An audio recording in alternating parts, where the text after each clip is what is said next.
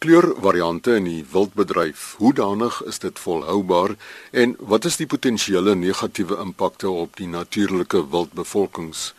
By ons in die ateljee vanoggend, Dr. Kas Hamman, afgetrede hoofuitvoerende beampte van Cape Nature en Rian Nouers, adjunkdirekteur landbou-ekonomie in die departement van landbou in die Wes-Kaap.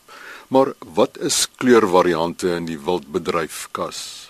Kyk, kleurvariante is 'n baie algemene verskynsel in die dierebedryf. Dit jy sien dit oral waar uh jy ongewone pelskleure kry as gevolg van resessiewe of onderdrukte gene wat natuurlik in die natuur voorkom. Maar in die geval van uh jou wild word hierdie diere normaalweg deur die roofdiere verwyder of uitgehaal. So dit kom wel natuurlik voor, maar uh omdat hierdie kleurvariante soos 'n wit springbok byvoorbeeld as jy in die Karoo staan en jy sien 'n wit springbok, kan jy hom vir kilometers ver sien. So sy kleur werk nie as kamouflering nie en maak hom baie kwesbaar.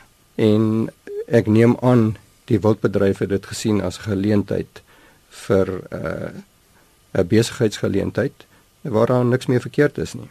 En die genetiese wetenskap Ehm um, dit is uh onderdrukte gene of uh resessiewe gene wat oral voorkom en wat dan gedoen word uh is hierdie diere word uitgehaal of geselekteer en met hulle word dan uh wat ons noem lynteeling gedoen of intensiewe teeling waar 'n swart uh, rooibok by 'n ander swart rooibok gesit word totdat daardie kleurlyn dan suiwer teel.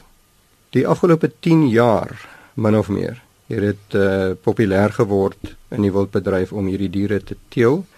Dit is waarskynlik gesien as 'n groot besigheidsgeleentheid en dit is ook gesien as 'n aantreklike mark vir die buitelandse trofeejagters wat uh waar jou jou groot ekonomiese inspuitings natuurlik vandaan kom, nie so seer van die plaaslike mark af nie. Ek wil met Kas aansluit 'n paar jaar as jy gaan kyk na my data 'n paar jaar gelede dan weerspieël hierdie data dat daar ontsettend goeie pryse maksimum en baie hoë gewegte gemiddelde pryse vir hierdie kleurvariante behaal is. En ehm um, wat daarop dui dat daar 'n groot vraag daarna was. So daar is in my opinie redelik intensief met hulle geboer en die populasies het begin uitbrei. Die laaste paar jaar egter kas sien ons dat die die uh, getalle word nog steeds hoog in inteendeel 7% van alle eh, wild spesies of wild wat verkoop is op op uh, veilinge is die van van kleurvariante. Maar ons sien ook die afgelope paar jaar dat uh, desondanks die geweldige uitbreiding in getalle van van kleurvariante het daai daai uitbreiding, daai groei begin afneem en daarmee saam met die die geweldige hoë pryse van 'n paar jaar gelede volgens my data tussen 30 en 80% geval in in 2016. 'n Mens sou verwag sou ek as 'n as 'n nie uh, ekonoomkundige uh, verwag dat soos wat die getalle van hierdie diere toeneem, die die pryse wel gaan gaan daal. Die vraag is net of die probleem op die oomblik soos ons dit sien is uh daar het nou 'n onverwagte weerstand uit die jagbedryf uitgekom uh teen hierdie kleurvariante veral ook van die internasionale uh jagbedryf.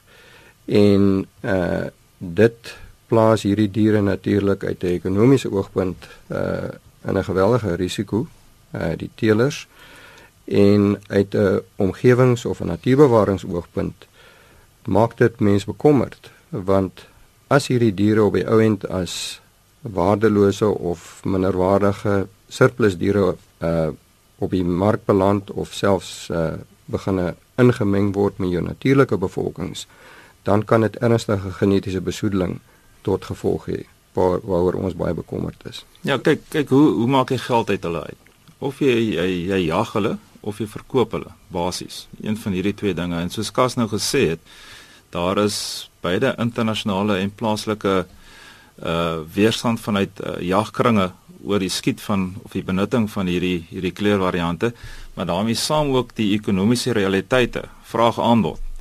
Hoe meer diere op die mark gesit word, hoe laag gaan die pryse wees? En ons sien dit, dit word weerspieël by beide hierdie standpunte wat ons het.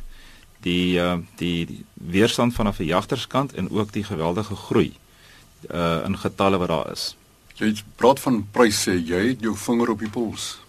Ek ek hou pryse van van alle kleurvariante wat ek in die hande kan kry, nie net van byvoorbeeld uh swart springbokke nie, maar ek spesifiseer ramme, jong ramme, oeye, jong oeye of uh gemsbokke, ehm um, verse, dragtige verse, uh koeie, uh koeie met kalwers, koeie met vers kalwers, koeie met bul kalwers. So dis dis 'n uh, partyke moeilik, dis gevaarlik partyke om te praat van swart springbokke as jy nie spesifiek sê dis 'n uh, dis swart ramme of swart oeye of wat ook al. Jy moet mooi mooi dink wat jy sê want dit gaan oor appels met appels vergelyk. Een van die probleme is die mense uh, gooi al die kleurvariante sommer net saam en sê die pryse het geval of gedaal, maar mense moet mooi gaan kyk watter pryse het spesifiek ge, gedaal. Maar oor die algemeen wys my data dat van 2015 na 2016 het hierdie pryse drasties afgekom met tot 80%. Kom ons kyk na werklike pryse behaal op die mark in die afgelope jongste tyd. As ek net kyk uh swart rooibokke se pryse het van 2015 na 2016 geval van 264000 na 52000. Ehm um, goue wildebeeste gemiddeld van 355 na 141000, dis so 60% laer. Swart springbokke het het geval het met 38% geval na vandag uh net onder die 4000 rand. Waar dit 'n paar jaar gelede, 5 of soveel jaar gelede ver bo dit was. Ek wil met Kasse uh, saamstem. Ek dink een van die probleme is die die uh, die boere gaan nou van van hierdie goed begin ontslaa raak, hierdie kleurvariante ontslaa raak. So in die medium termyn verwag ek baie diere wat op die mark gaan kom. En die vraag is met hierdie droogte wat ons nou het, wat gaan gebeur met daai getalle daai diere wat agterbly? Ek dink om daarbey aan te sluit veral as daar 'n beperkte mark is. Ons weet dat die interne mark is beperk en as daar weerstand is van die internasionale mark in jagbedryf, dan gaan ons op die ou end uh, met probleme sit waar hierdie diere as surplus diere beskou word en dan teruggemeng word in natuurlike bevolkings en waar dit veral uit 'n bewaringsoogpunt 'n probleem gaan wees is in die geval van jou skaars soorte soos byvoorbeeld bontebok ehm um, swart uh, wildebees ehm um, jou swart witpens uh Buster Gemsbok, daai tipe van diere. Die diere wat algemeen en in groot getalle voorkom so springbok en uh, rooibok, gaan dit nie noodwendig so 'n groot probleem wees nie, maar die kwesbare kuddes gaan wees jou skaarssoorte. Ek dink oor die algemeen 'n wildboer moet besef hy boer nie net met diere nie, hy boer eintlik met wildgenetika. En die oomblik wat jy met genetika boer of werk, moet jy uh, ekologies en ekonomies verantwoordbaar wees jy moet nie sommer net speel met met uh, sekere genetika nie want dit dit kan lei tot besoedeling as ek die woord kan gebruik besoedeling van ons uh, gewone spesies wat ons het die suiwer genetika wat ons het ek dink dis een van die gevare wat baie van van ons in Suid-Afrika uh voorbang is is dat ons suiwer genetika dalk besoedel kan word met hierdie gem, ek wil amper sê gemanipuleerde genetika wat ons nou kry. Hoe raak hierdie hele aangeleentheid die tradisionele wildboer wat nie belangstel in hierdie kleurvariante nie? Ek dink dit kan 'n uh, impak hê op die die algemene wildbedryf. Ehm um, as ons baie van die uh deelnemers in die wildbedryf begine verloor as gevolg van swak besigheidsbesluite. Maar aan die ander kant uh dink ek dis 'n baie veerkragtige bedryf en ek het nog altyd gesien dat die wildbedryf hierdie vermoë om aan te pas by veranderende omstandighede. So op die langtermyn uh, met goeie beplanning hoef dit nie noodwendig 'n groot probleem te wees nie. Ja, ek stem saam. Ek ek dink uh, as ons kyk na die langtermyn en as ek kan bietjie wegbeweeg van die van die kleurvariante af na jou jou jou suiwer genetika dan sien ek nog steeds baie goeie toppryse wat behaal word maar die gemiddelde pryse is ook geneig om so bietjie te daal. Wat ek persoonlik voorsien in die in die wildbedryf in die toekoms by die by die gewone spesies as ek dit so mag noem, is dat die die wildbedryf gaan begin diferensieer soos die gewone veebedryf tussen kommersiële kuddes en jou stoet kuddes. Uh soos wat ons kry by Bonsmaras en Afrikaner beeste en Simmentalers en daai goed.